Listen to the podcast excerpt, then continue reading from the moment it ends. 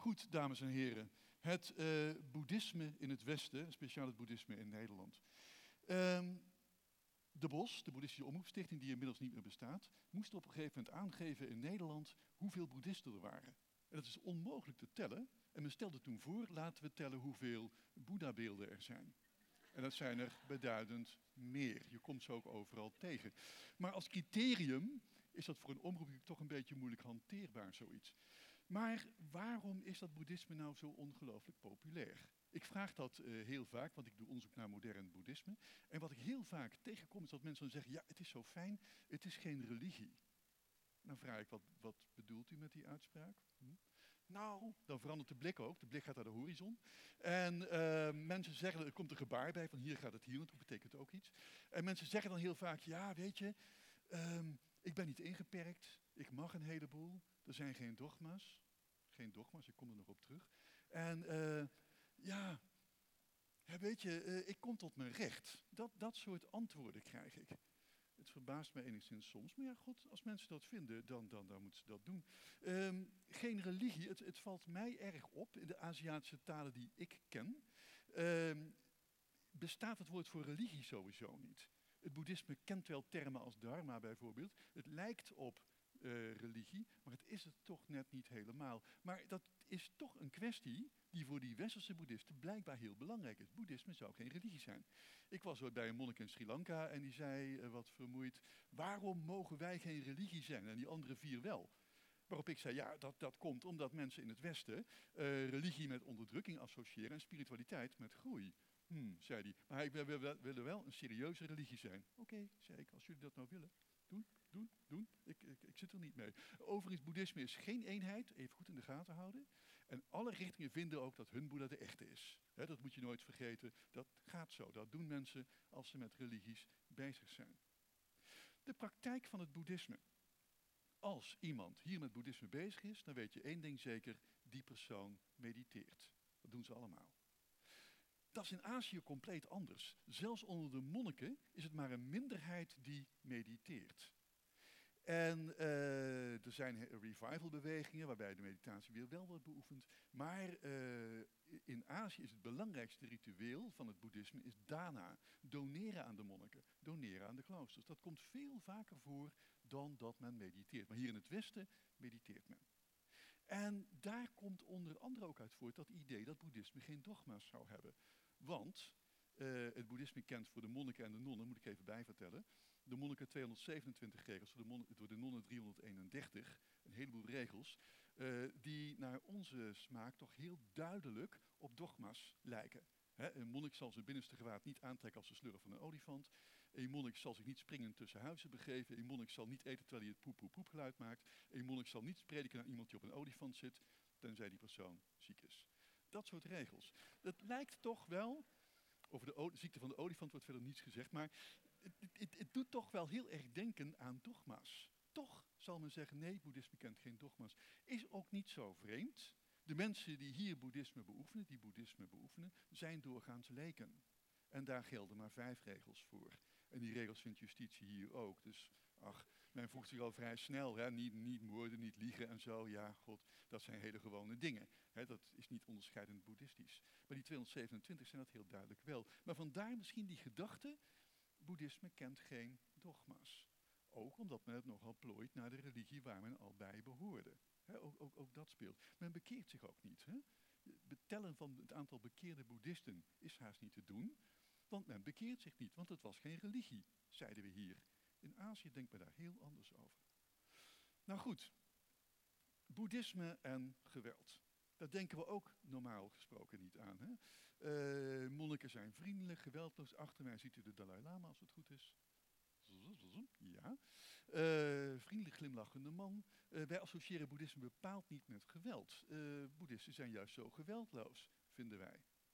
Read history. Het kan compleet anders zijn. De huidige Dalai Lama is een uitermate vriendelijke glimlachende man. De vijfde Dalai Lama voerde oorlog tegen de koningen van Amdo en Kam met steun van Chinezen en Mongoliërs. En de dertiende Dalai Lama, dus de voorloper van deze Dalai Lama, had de bijnaam de Bodhisattva Warrior, heeft een keer iemand laten executeren door een touw met knopen om het hoofd te binden, die knoop het touw werd aangedraaid. Eén oog kwam bij die man nog spontaan uit, het andere is met een mes uitgestoken. Dat is gebeurd in de jaren dertig ergens van de vorige eeuw. Dus echt geweldloos, hmm, daar zijn wat meer dingen over te zeggen. Aan de andere kant ziet u meneer daar, Ashen Wiratu, een monnik op het moment actief is. En uh, deze monnik strijdt tegen de Rohingya-moslims in Myanmar. Deze man laat zich merkwaardigerwijze uh, de Bin Laden van het boeddhisme noemen.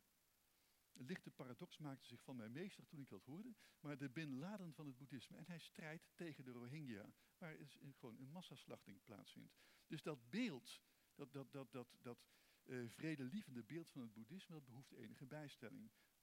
Koning Dutagamini van Sri Lanka in het verleden, die vocht tegen de Tamils met relieken van de Boeddha op de top van zijn lans. Ik heb ook relieken van de Boeddha. Ik heb die van mij op eBay gekocht in Thailand. Maar dat is vrij gewoon. Relieken, die heb ik ook vaak bij me gewoon. Reuze praktisch. De Boeddha zelf wordt vaak als een soort ideale mens gezien hier. De Boeddha zou geen god zijn, de Boeddha is een mens. Als mensen ook naar een boeddhistische therapeut gaan, dan is de, de, persoonlijkheid van de Boeddha speelt een grote rol. Uh, de persoonlijkheid van de therapeut moet ik zeggen. De menselijkheid daarvan speelt een grote rol. Je vertrouwt die persoon. Hoe was dat nou bij de Boeddha? De traditie wil dat de Boeddha in zijn tijd 9 meter hoog was. Dat is best hoog. Verder had hij 32 hele specifieke lichaamskenmerken waar je kon zien, die is verlicht. um, een, een, tong waarmee hij zijn voorhoofd kon bedekken. De stem van een karawika-vogel, een stem zonder echo was dat. 40 tanden. Um, hij had uh, de proporties van een banyanboom. Zijn knieën zaten wat hoger dan bij ons. En dat moet een typisch loopje hebben opgeleverd. Uh, hij had de knieën van een antiloop namelijk en zijn handen kwamen tot zijn knieën, terwijl zijn spanwijdte precies even lang was als zijn lichaamslengte. Dus een beetje een technisch verhaal, maar dit loopje. Ziet u iemand met een uitbouw op het hoofd en een stipje hier en uh, vingers even lang, et cetera, met de stem van een karawika eend en dit loopje, dat is een boeddha. Uh, u uh, kent uw klassieke Star Wars 1, daar zat dat beest Zaza in met die grote oren. Uh, dat loopje. Ziet u iemand die zo loopt, die is verlicht. Je moet dat in de gaten houden. Dus het fysiek speelt een grote rol. Uh, het fysiek van de Boeddha vertaalt zich uiteraard ook naar het Boeddha-beeld zelf. En daar houd ik zo meteen mee op, want ik heb nog 2 minuten en 23 seconden.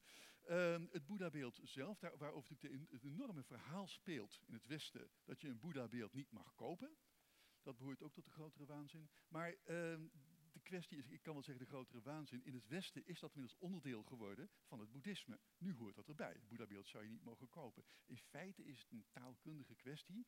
In talen als Thai en Cambodjaans en Chinees en Tibetaans gebruik je andere woorden voor de boodschappen doen en voor het kopen van een boeddha. Kieu in het Cambodjaans betekent uh, een boeddha kopen. Uh, ten betekent de boodschappen doen. Het zijn dat soort kwesties. Maar uh, tegelijkertijd, uh, ik doe veel onderzoek naar uh, modern boeddhisme. Ik heb heel lang in Nepal onderzoek gedaan. Wat zie ik nou gebeuren? en dan houd ik op met mijn verhaal. Um, een westerling komt een winkel binnen, chockvol gouden glimmende boeddha's. En de winkelier ziet dat, hè, die ziet die westerling is geïnteresseerd in deze boeddhabeelden. Maar, zegt die westerling, nee, je mag ze niet kopen, want dat brengt ongeluk. Dan heeft die winkelier op zijn toonbank een grote schaal staan met minuscule kleine boeddhatjes uit Thailand, die kosten bijna niks. En zo'n grote glanzende boeddha kost dan 700 dollar. Dan zegt die winkelier, ik weet het heel goed gemaakt. U koopt van mij voor 700, nou ja, 650 dollar, dat kleine boeddhatje. U krijgt van mij die grote gouden, die neemt u mee naar Nederland. En eenmaal in Nederland geeft u dat kleine beeldje gewoon weg aan een vriend of kennis. Iedereen blij toch? Nou, dit soort verhalen maken deel uit van het boeddhisme in het Westen en ik ben altijd dol op dit soort verhalen zoals die laatste, want het zijn transformaties van de omgang met het Boeddha-beeld. En dat zegt iets over het boeddhisme in het Westen en de grote verschillen die we hebben in Azië. Is het erg? Ach, wat is erg? Ik hoor uh, monniken in Azië doorgaans zeggen, als die westerlingen op deze manier in contact komen met de dharma, en ze zullen, dan, dan, uh, dan is dat allemaal uitstekend.